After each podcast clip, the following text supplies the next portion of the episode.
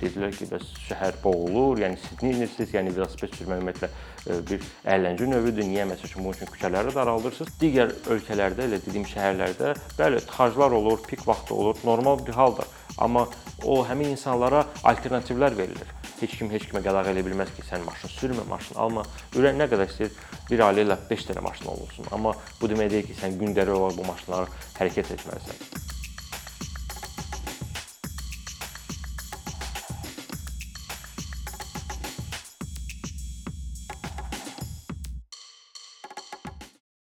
Anar bəy salam, xoş gördük sizə ikincidə. 2023-cü ildə Azərbaycanda nəqliyyat sistemi ilə bağlı bir sıra yeniliklərə biz şahid olduq. Mənə elə gəlir bunlar içərisində ən vaciblərindən biri velosiped yolları ilə bağlı idi. Çünki ilk dəfə Səkidə deyil, yolun hərəkət istiqamətində biz velosiped zolağının salındığını gördük. İstiqlaliyyət küçəsi və Azərbaycan prospekti boyunca. Bu velosiped yolları uzun müddətdir xüsusilə insan yönümlü şəhər konsepsiyasını dəstəkləyən ekspertlər tərəfindən tez-tez səsləndirilirdi ki, Bakıda bu vacibdir. Elə e, söhbətə də burdan başlamaq istərdim ki, necə hesab edirsiniz? Velosiped yolları Bakıda nəqliyyatla bağlı hansı problemlərin həlli üçün vacibdir və bizim niyə buna ehtiyacımız var idi? Birincisi qeyd edilmiş məsələ ki, velosiped yollarının məhz hərəkət hissəsinə çək çəkilməsi ümumiyyətlə çox cürətli bir addım idi Bakı kimi şəhər üçün. Çünki adətən e, biz öyrəşmişik ki, deyirlər ki, məsəl üçün yollar ilk növbədə maşınlar üçün olmalıdır, avtomobillər üçün olmalıdır və ümumiyyətlə yanaşma indiyə qədər belə idi ki, yollarımız nə qədər geniş olsa, bir o qədər də yaxşıdır. İlk növbədə şəxsi avtomobillər prioritet götürülməlidir. Lakin dünya təcrübəsinə baxsaq, həqiqətən biz artıq görürük ki, konsepsiyalar dəyişir. Bu yenilik bir deyil. Yəni son 30-40 il ərzində görürük ki, bax bu proseslər baş verir xarici ölkələrdə və biz bu haqqda danışanda ümumiyyətlə tək insan ömrü şəhərdən söhbət getmir. Yəni ümumiyyətlə, yəni biz əgər şəhəri daha dayanıqlı eləmək istəyiriksə, daha tıxacsız eləmək istəyiriksə, nə qədər yəni bir qeyri-adi səslənsə də biz ilk növbədə şəxsi avtomobillərin sayını azaltmalıyıq, hərəkət edən sayını azaltmalıyıq küçələrimizdə və bunun üçün ilk növbədə alternativ yollar salmalıyıq da. Yollar o, yəni alternativ nəqliyyat üçün yollardan söhbət gedir. Və xüsusilə mən bunu deyərdim ki, nəyə görə bu çox cürətli, cəsarətli bir addımdır ki, məsəl üçün belə deyim də bizim bizim kimi bizim yolumuzu keçən ölkələrdə məsəl üçün Amerikada biz deyək də avtomobil yönümlü bir şəhər e, ölkədir ümumiyyətlə öz-özünə. Orda ilk növbədə başladılar e, ən böyük megapolislərdən, məsəl üçün Nyu-York şəhərindən. Təxmini e, bunların bu velosiped yollarının salınması bir 10-15 il bundan öncə başlayanda elə bil 2010-cu illərin əvvəli belə deyək. O vaxtın meri Bloomberg, onun nəqliyyat departamenti rəhbəri var idi, Janet Sadiq xan idi səhv eləmirəmsə, onun bir təşəbbüsü idi ki, gəlin biz Nyu-Yorkda hər yerdə velosiped yolları eləyək, belə deyək də. Velosiped zolaqları salaq, həm bu sağlamlıq falan, eyni zamanda Nyu-York da o vaxt tıxaclardan boğulan bir şəhər idi.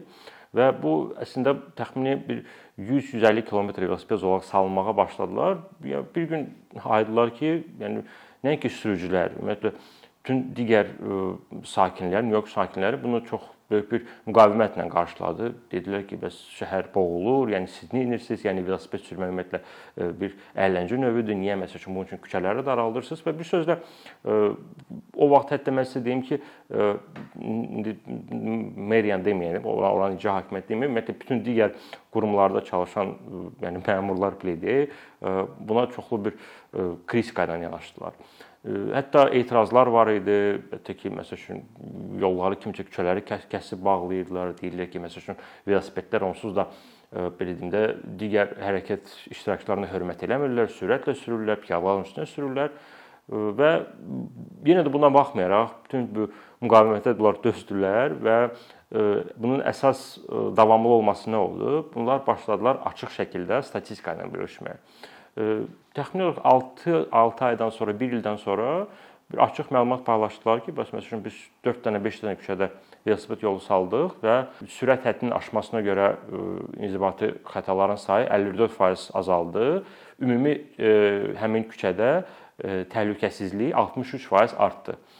Necə bunu ölçdülər? Yəni ağır qəzaların sayı 63% azaldı, belə deyək və bunu bu cür təqdim elədilər və bir misal kimi bu gün o vaxt New Yorkda 250 km velosiped zolağı var idisə, bu gün 2000-dən çoxdur. 2000 kilometrdən çoxdur. Bütün New York New Yorkdan söhbət gedir və bu gün biz Nyu-Yorku heç də belə deyim də Amerikan tipik bir şəhəri kimi görə bilmərik də. Çünki məsələn siz Detroitu götürsəz, nə bilim, digər Texasda olan böyük şəhərlər Burada həm ictimai nəqliyyata üstünlük verirlər, həm velosiped yolları salırlar. Özü də hətta bilmirəm şəkillərin fotolarını görərsiniz ki, onların velosiped zolaqları hətta bizim yeni çəkilən velosiped zolaqları nisbətən daha böyükdür. Xüsusi bufer zonalar var, yəni xüsusi dibçəklərlə ayrılan, yəni kifayət qədər yəni onlar bax bu cəhətdən islahat aparıblar.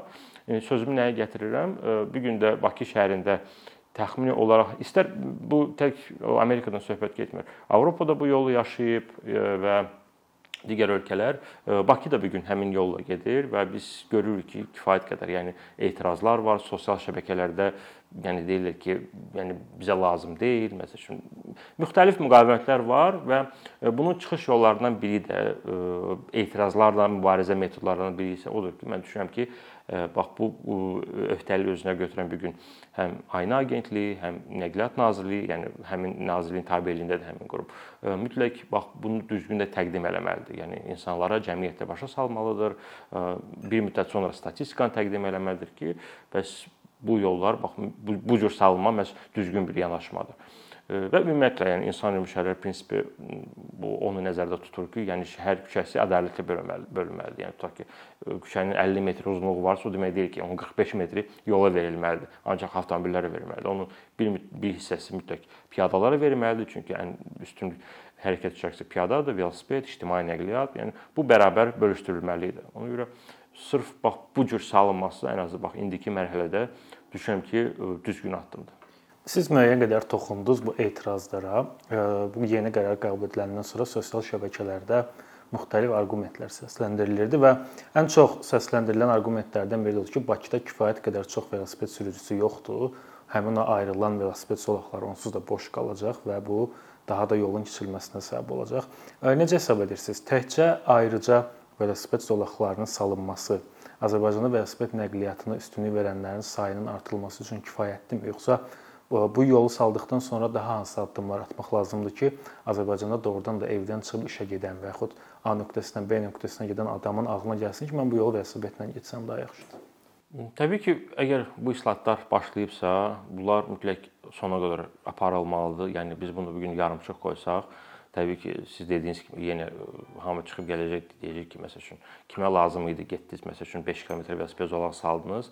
Təbii ki, bu birinci davamlı olaraq olmalıdır. Həm də ikincisi bunun e, məntiqli olaraq bir şəbəkəsi olmalıdır ki, insanlar bilsinlər ki, siz dediyiniz kimi, yəni e, mən bir gün evdən işdən çıxacamsa, qısa məsafədə mənim yolumda kifayət qədər velosiped zolağı olacaqsa ki, mən buna üstünlük verim yoxsa yox. Bu çox önəmlidir. Yəni şəbəkə formasında olması məhz insanların həmin qısa məsafədə olan bax bu kifayət qədər yəni axının olması, yəni bu insan trafikində belə deyək də, bu qədər varmı həmin istiqamətdə velosiped istifadəçi tapılacaqmı ümumiyyətlə yoxsa yox və açıq deyim mən bu haqqda elə agentliyin özündən soruşanda onların onlarla söhbət edəndə dedilər ki, velosiped zolaqları salarkən bu mən dediyim kriteriyalar nəzərə alınıb. Amillər nəzərə alınıb ki, məhz insanların daha çox hərəkət etdiyi istiqamətlərdə velosiped zolaqları salınır. Amma yenə də əsas məsələ odur ki, əksər insanlar həmin qısa məsafədə velosipedə üstünlük vermək üçün bunlar üçün şərait yaradılıb yoxsa yox. Yəni bunu birinci növbədə yəni nəzərə alacaqlar. Və üçüncü məsələ təbii ki, təhlükəsizlik məsələsidir. Yəni insanlar bilməlidir ki, velosiped sürmək bu şəhərdə təhlükəli, təhlükəsizdirmi yoxsa yox. Və ümumi olaraq deyim ki, siz dediyiniz məsələ ki, insanlar deyir ki, bizdə velosiped sürən yoxdur. Əksinə bu belə deyil. Kifayət qədər velosiped istifadəçisi var, xüsusilə yay aylarında. Ümumiyyətlə bizim iqlim kifayət qədər mülayim bir iqlimdir velosiped sürmək üçün. Hətta Bakını çox vaxt nə bilim küləklər şəhəri deyirlər, çox relyefli bir şəhərdir, amma bunu sadəcə mən düşünürəm ki, bunu istəməyənlər bunu belə təqdim eləyirlər. Çünki birincisi kifayət qədər bizdə bizdən sərt olan bir iqlim, yəni Şimali Avropa ölkələrində hər yerdə velosiped zolaqlarına rast gələ bilərsiniz.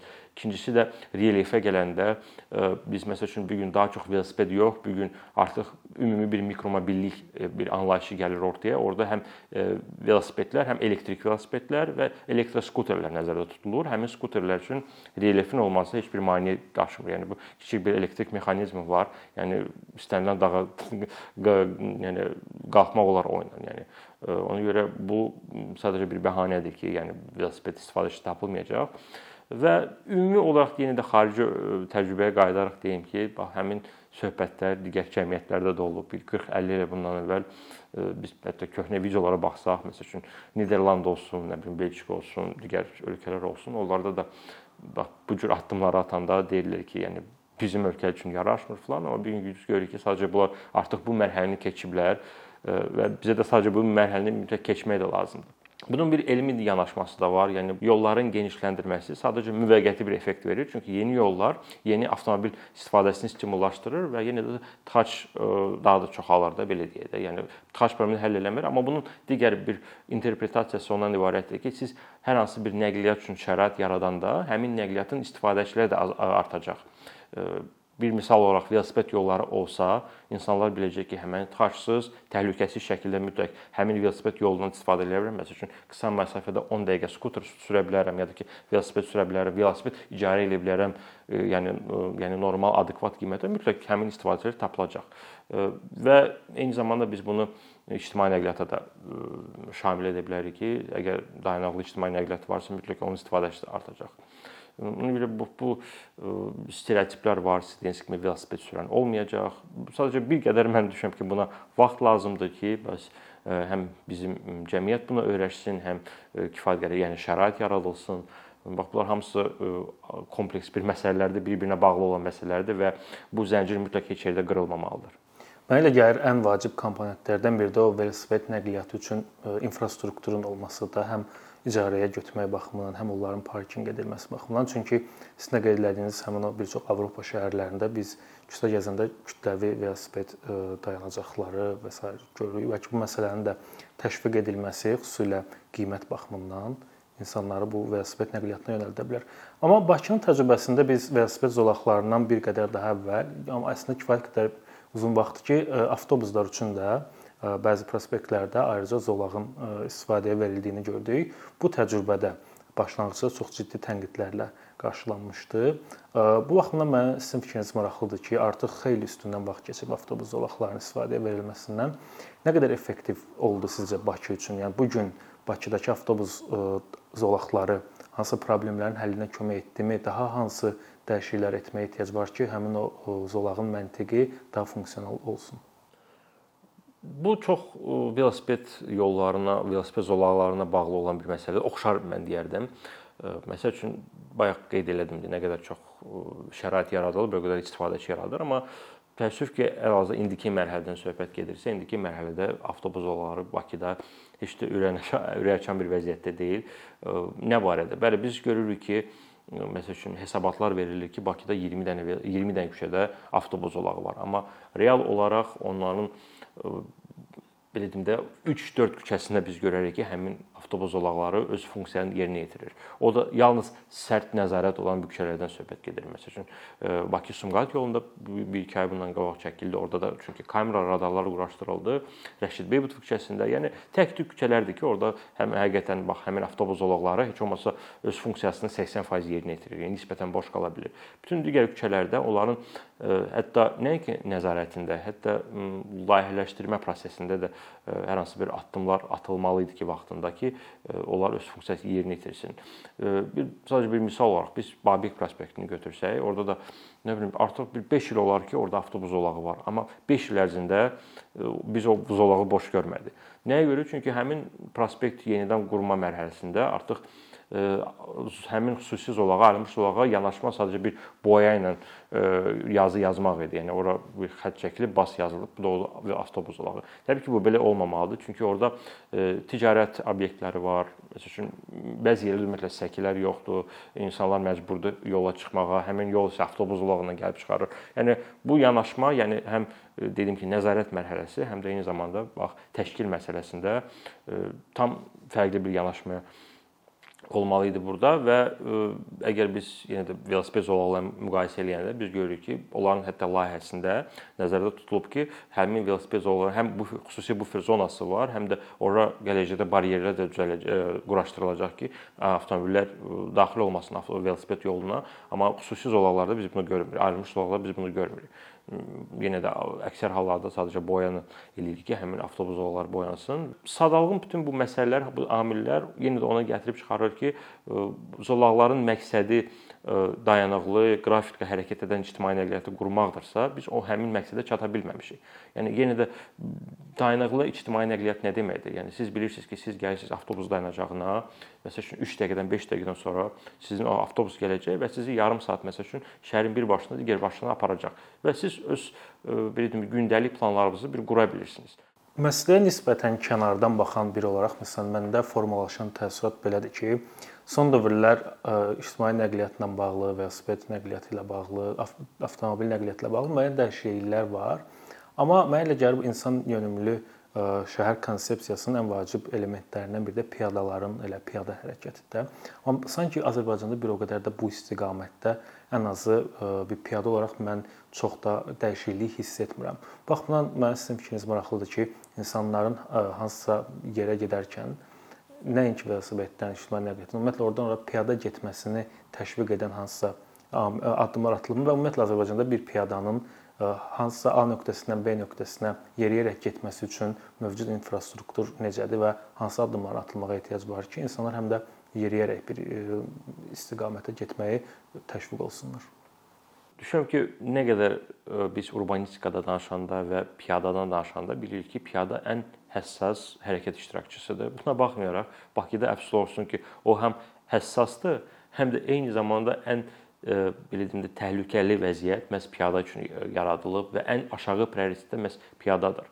Bu niyə görə belə olub? Əksinə biz biraz tarixə qayıtsaq, çox uzağa demirəm, məsəl üçün Sovet dövründə 60-cı 60-cı 70-ci illərdə ki, Bakı intensiv qurulmağa başladı.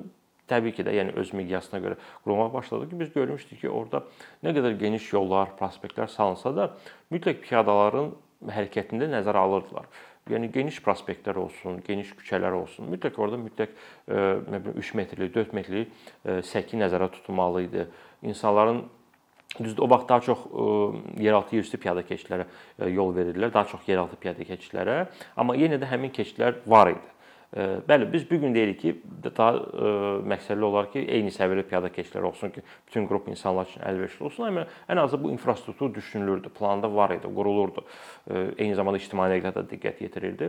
Amma bu bu postsovet bir 20 son 20 il, hətta 25 il, 30 il belə deyim, ərzində nə vaxt ki, məsəl üçün ölkəyə kütləvi neft mu başladı, həmin şəhərə maliyyə axınları başladı. Biz gördük ki, bu maliyyə əksər hallarda yalnız və yalnız e, yolların genişləndirmə, genişləndirməsinə e, istiqamətləndirmişdi və bunun başqa bir fəsadı oldu ki, bu bütün addımlar məhz e, piyadaların yollarını daraltmaqla baş verirdi. Çünki bilirik ki, Bakı xüsusilə mərkəz hissəsində belə deyim, tarixi bir hissəsidir. Yəni orada artıq binaları sökmək falan, yəni bu biraz çətin bir məsələdir. Amerikada məsələn sıfırdan qurulurdu və əvvəl yol qurulurdu, sonra ətrafı qurulurdu. Bakıda bu mümkün olmadı və dedilər ki, mövcud infrastrukturu mövcud, yəni yol sahəsini mümkün qədər genişləndirək və yəni ortada nə qaldısa verəcəyik piyada. Çox vaxt heç onu da düşünmürdülər və bu gün onun fəsadlarını biz yaşayırıq və görürük ki, bu gün əfsus olsun ki, bəzi küçədə nəinki səki dardır ya da ki, kiçikdir, ümumiyyətlə yoxdur. Bu halda bunun fəsadları nədir? Birincisi rahatlığı qoyaq qırağa. Bunun ən birinci fəsadı odur ki, küçələrimiz çox təhlükəli olub. Yəni insanlar əgər yolla hərəkət eləyirsə, təbii ki, xüsusilə gecə vaxtı yəni qəza riski nə qədər az nə qədər çoxalır. Yəni eyni zamanda piyada keçidləri olsun. Bir də görürük ki, məsələn, yeni yol salınır, yeni küçə təmirdən çıxır və 1 kilometrlik küçədir. Orada bir dənə piyada keçidi olar ya olmaz. Halbuki qanunvericidə nəzərdə tutulub ki, maksimum 150-300 metr arasında olmalıdır. Yəni bu bütün standartlar var. Hətta köhnə standartlar olsa da bunlar var. Amma bu gün piyada ən udulmuş bir e, hərəkət iştirakçısıdır. Əslində bu tək Bakıda deyil. Yəni istənilən yəni digər regionlarımıza getsəz, hətta region mərkəzlərində də vəziyyət elədir ki, piyada keçidi nadir bir elementdir yol infrastrukturunda. Çünki ən böyük bir həm maliyyə vəsaiti və prioritet olaraq yalnız avtomobillər üçün.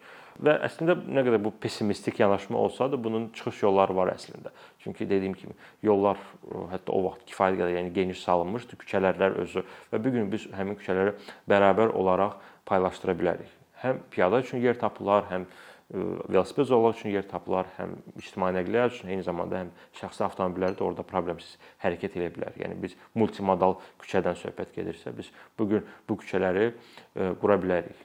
İndiki vəziyyətdə isə piyada hələ ki prioritetdə deyil. Biz bəli görürük ki, bəzi küçələrdə var, yəni səki yenidən qurulur, amma hələ ki tək-tük bir ə, misallar da biz gətirə bilərik. Yəni yanaşma hələ ki biz istər digər dövlət qurumlarından buna məsəl üçün məsuliyyət daşıyan icra hakimiyyətləri heç biri belə bir proqramla çıxmayıb ki, məsəl üçün biz istəyirik ki, məsəl üçün Bakıda prioritet olaraq piyadanı götürək və misal olaraq 5 dənə küçədə səkini genişləndirək. Yoxdur belə bir misallar əfsuslar olsun ki, yəni ümid edirəm ki, həmin bu islahatlar ki aparılır, velosiped, ictimai nəqliyyat falan mütləq orada da piyadaları unutmayacaqlar.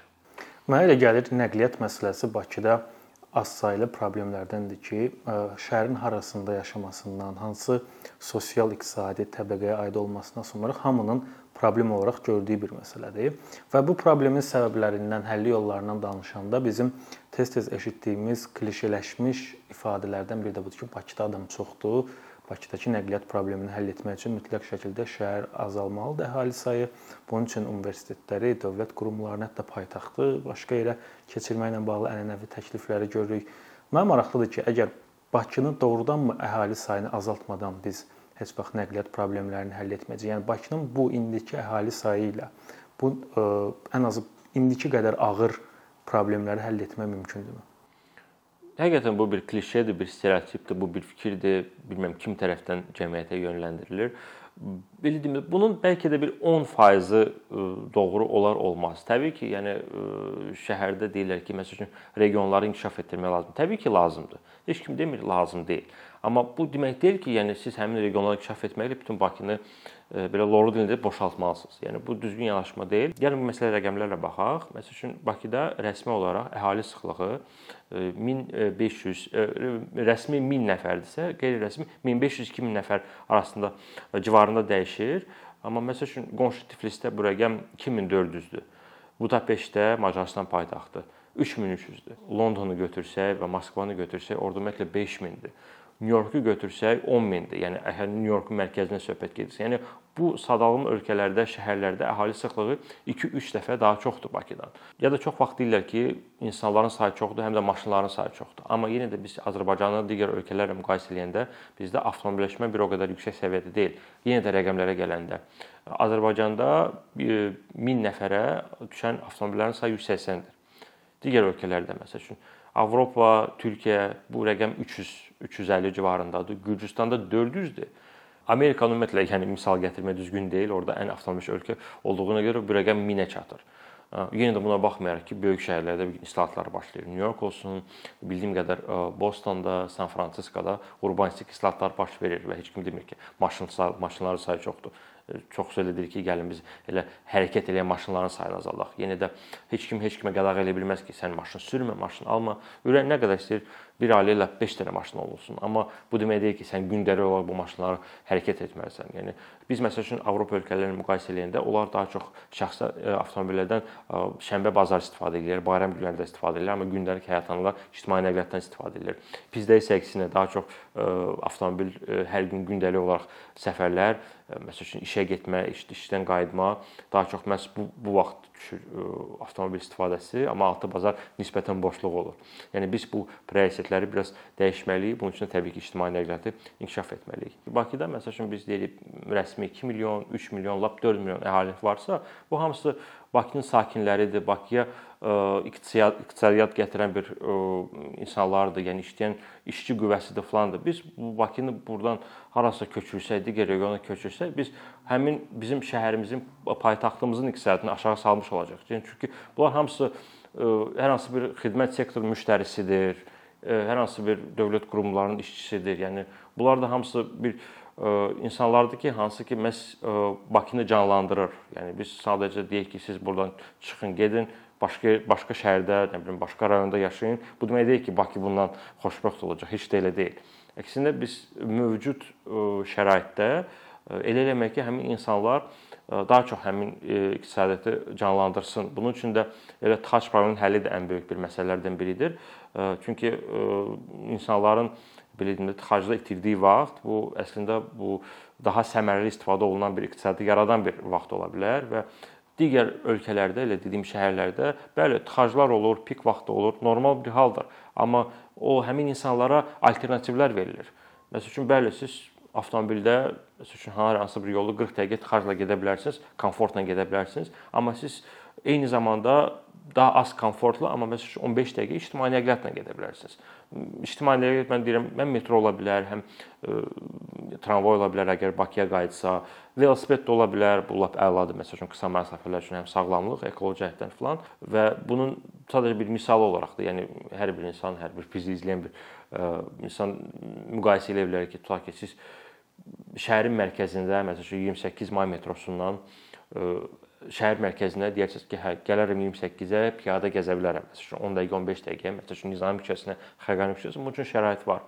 Və deyər ki, mən belə yolumu seçə bilərəm. Amma məsəl üçün biz yenə də bir misal olaraq deyim ki, biz Əhmədli metrosunun ətrafını götürsək, sən orada metrodan çıxıb və harasa 10 dəqiqə, 15 dəqiqə belə piyada gəzə bilmirsən. Çünki orada şərait yoxdur. Təbii ki, belə halda deyirik ki, yox, mən 15 dəqiqə piyada gəzməkdənsə mən konkret olaraq bir yerə taksi çağırım, ya da ki, şəxsi avtomobillərlə gəlim.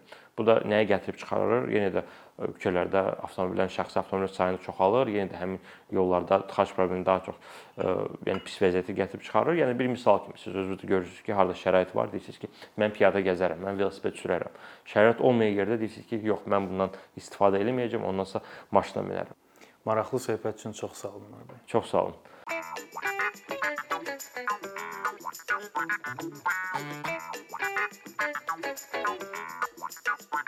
you.